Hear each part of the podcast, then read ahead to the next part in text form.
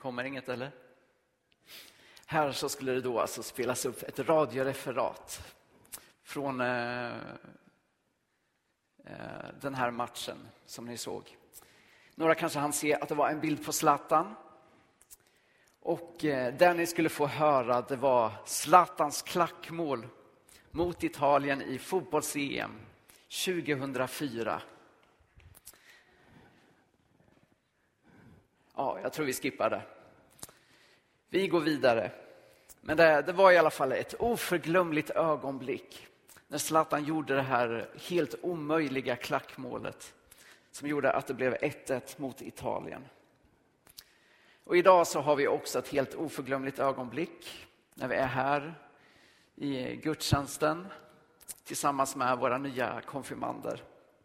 Och så som jag har förstått det så är det ganska många av er som spelar fotboll. Men även du som sitter här som inte är det minsta intresserad av fotboll.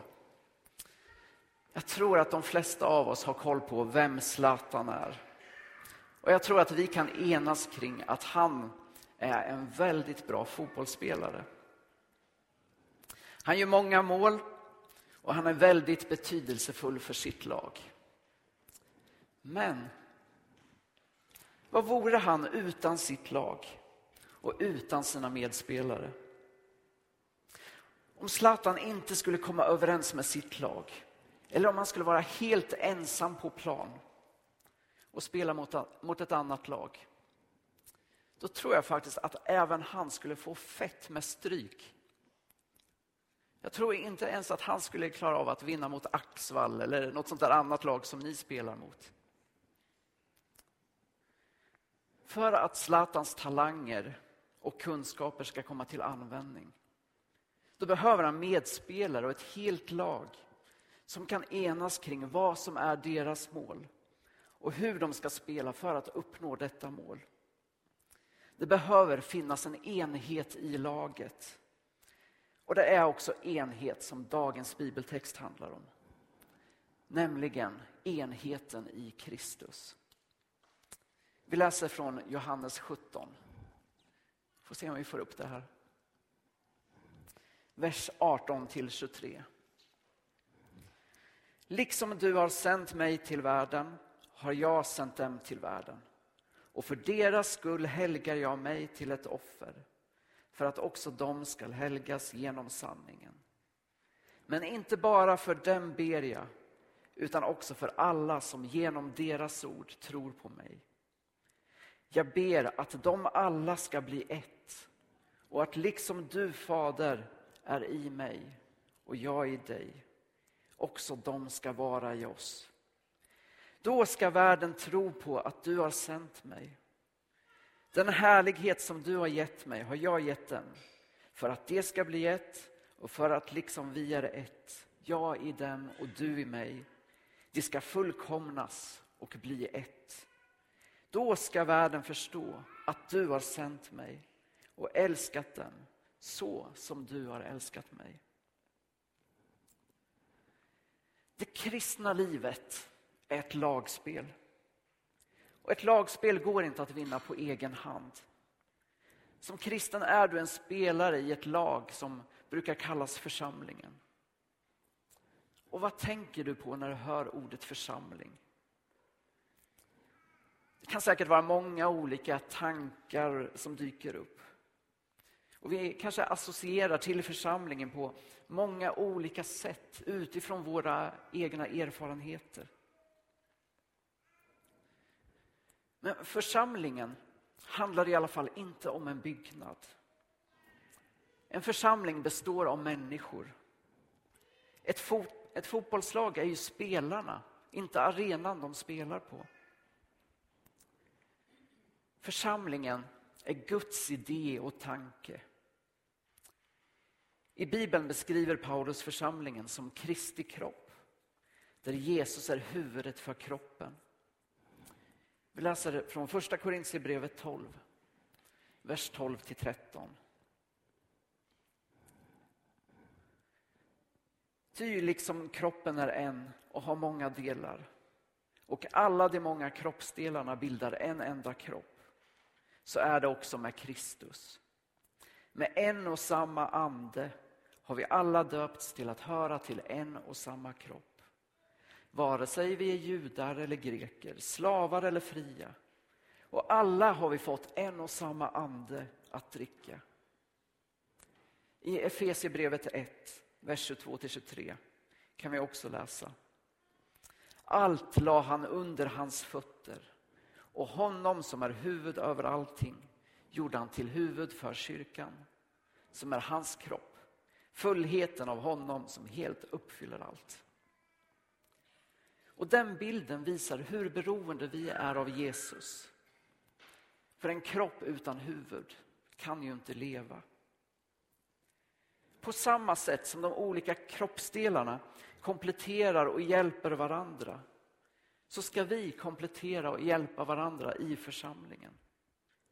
Kristi kropp, alltså församlingen eller laget, har många olika delar där alla har en speciell uppgift och alla är lika viktiga. I fotboll så behövs det ett komplett lag med olika spelartyper för olika uppgifter. Det går ju inte att ha ett helt lag med bara anfallare eller bara målvakter. Det skulle inte funka särskilt bra. Det måste vara rätt spelare på rätt plats. Men även där behövs ett huvud, en coach som styr laget åt rätt håll. Tidigare under veckan så påmindes jag om hur det var att spela fotboll när jag gick på lågstadiet. Jag hade ju en väldigt framgångsrik taktik. För medan alla andra spelarna i båda lagen for som en hysterisk bisvärm efter bollen. De bara jagade bollen hela tiden.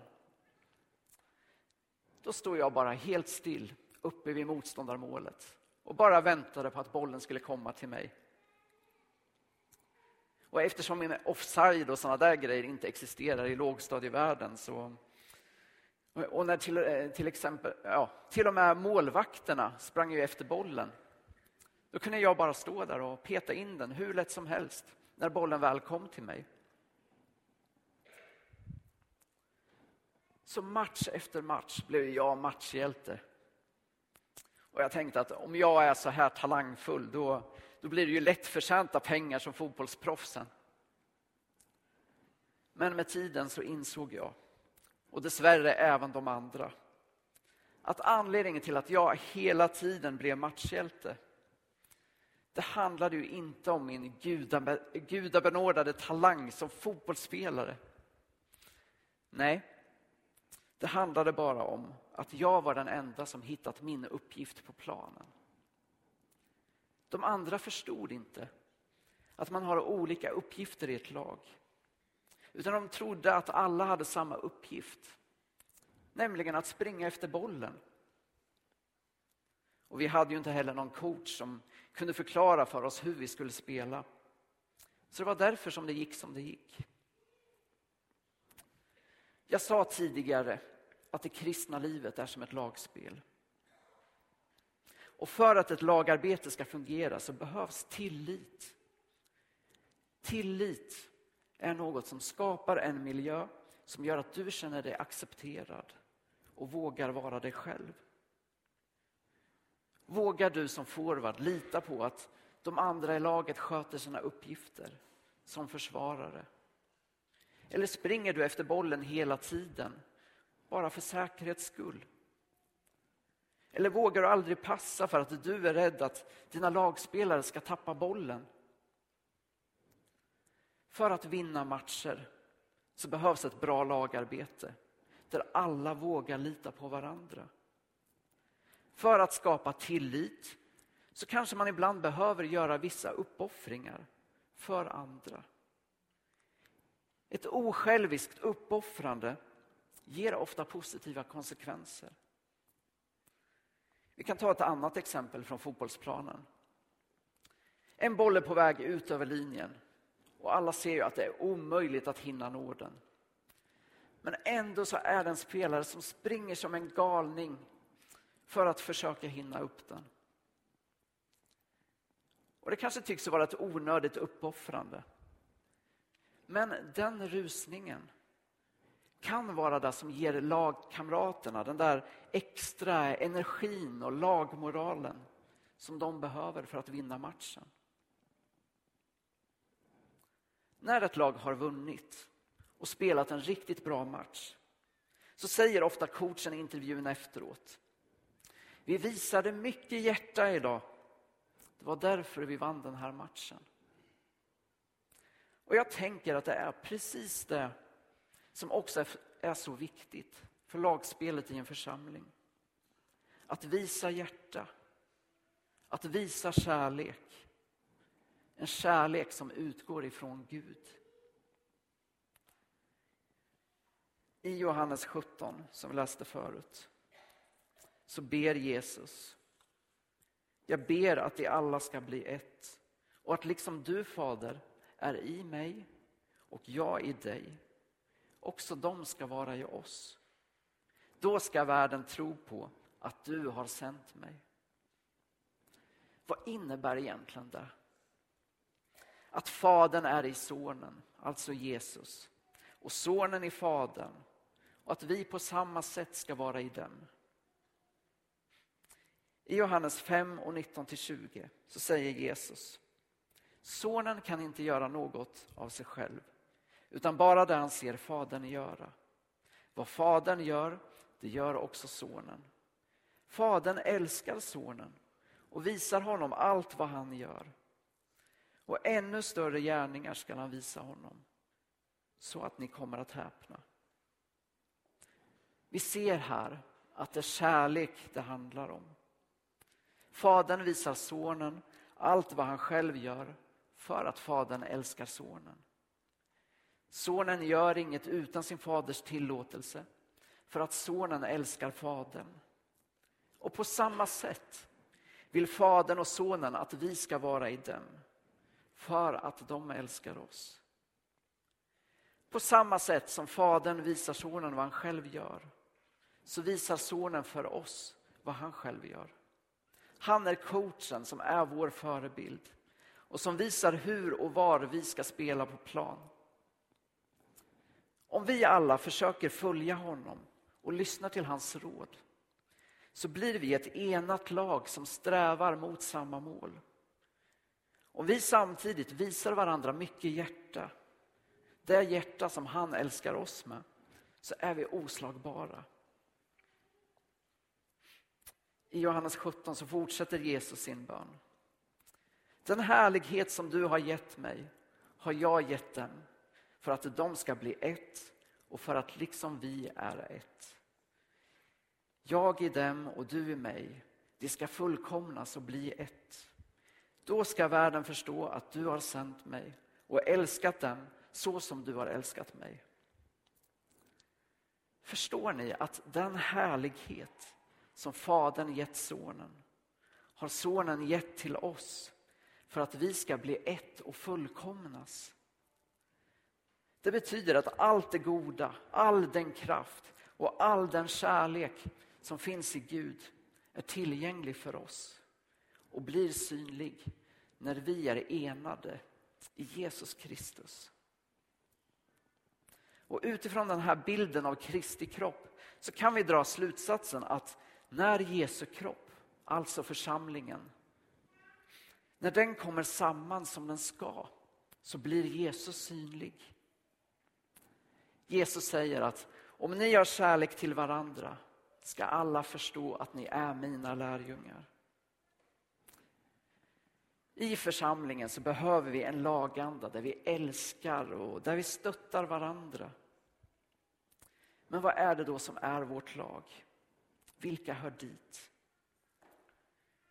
Det är lätt att tänka att vi som går hit till Missionskyrkan, vi är ett lag. De som går till Svenska kyrkan, de är ett lag. De som går till Pingkyrkan, de är ett lag. Och vissa kanske till och med tänker att vi är lag som kämpar mot varandra. Men Jesus, han tänker verkligen inte så. Han är ju coach för alla våra församlingar. Skulle han då kämpa emot sig själv? I första Korintierbrevet 1 vers 10-13, Som vi hörde tidigare i gudstjänsten. Där fick vi höra hur de kristna delats upp i olika lag eller läger. Och där Paulus ställer frågan, har Kristus blivit delad? Han ger också uppmaningen att vara överens och inte dela upp er i olika läger. Är Jesus delad? Coachar han flera olika lag som kämpar mot varann? Nej. När Jesus tänker på sitt lag så tänker han mer på landslagsnivå. Hans planer är högre än våra planer. Jesus vill att vi ska vara med och spela i hans landslag. Landslaget som spelar för Guds rike. Och Det som är lite speciellt med det här landslaget det är att vi inte behöver prestera något för att få vara med. Vi behöver inte gå igenom någon tuff laguttagning. Alla som vill får vara med. Det räcker att vi accepterar Jesus som vår coach och att vi försöker följa hans spelstrategi. Men hur viktigt är det egentligen? Måste jag vara med i laget? Måste jag engagera mig? Kan inte lika gärna sitta på avbytarbänken och bara se på vad som händer när de andra spelar?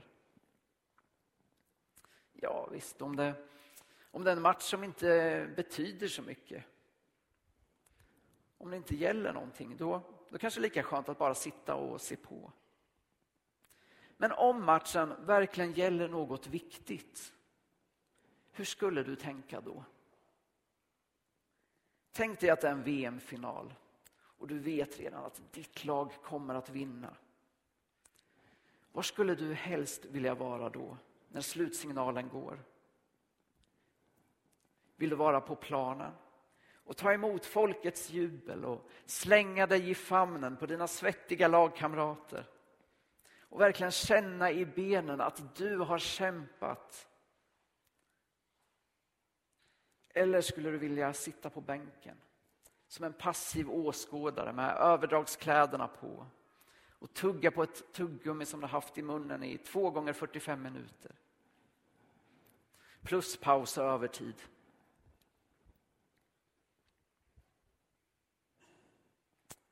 Vad skulle du välja? Och hur viktig är då den här matchen som församlingen spelar? Ja, det, det beror ju helt på vad som är sant. Det handlar om tro. Men om det verkligen är så att just tron ger oss möjlighet att ha en relation med universums skapare.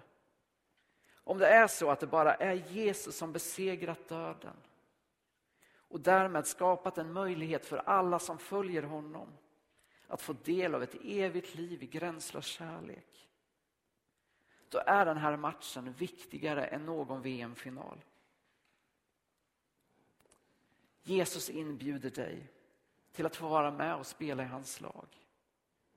Inte för att du har förtjänat det, utan för att han älskar dig.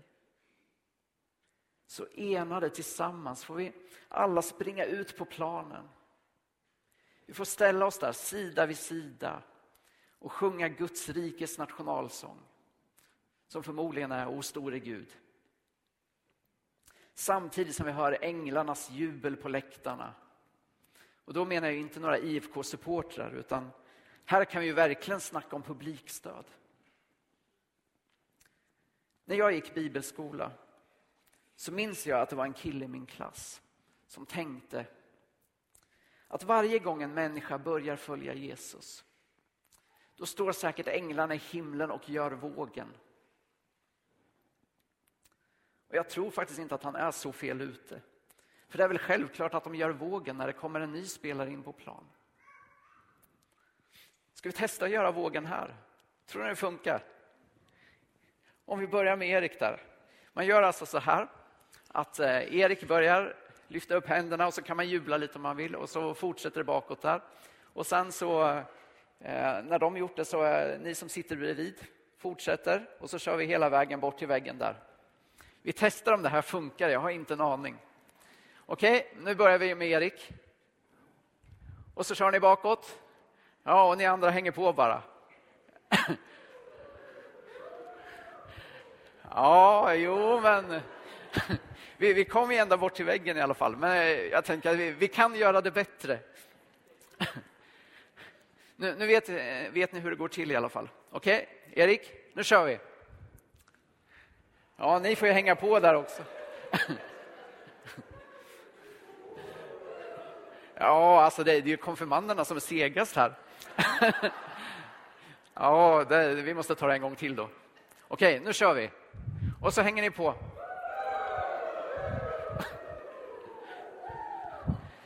Ja, men det är bra. Nu har vi riktig fotbollskänsla här. Enheten i Kristus börjar i våra hjärtan. När Jesus är i oss och vi är i honom så drivs vi av samma hjärta, samma längtan, samma kärlek och samma mål.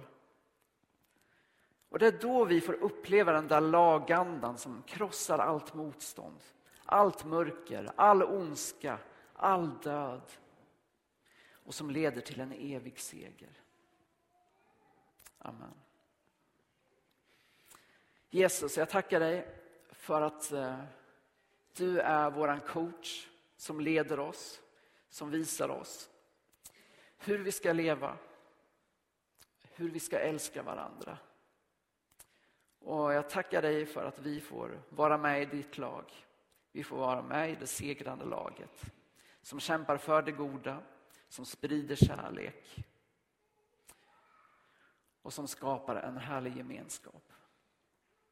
Jag ber att din enhet ännu mer ska få råda bland oss och eh, över hela vår stad.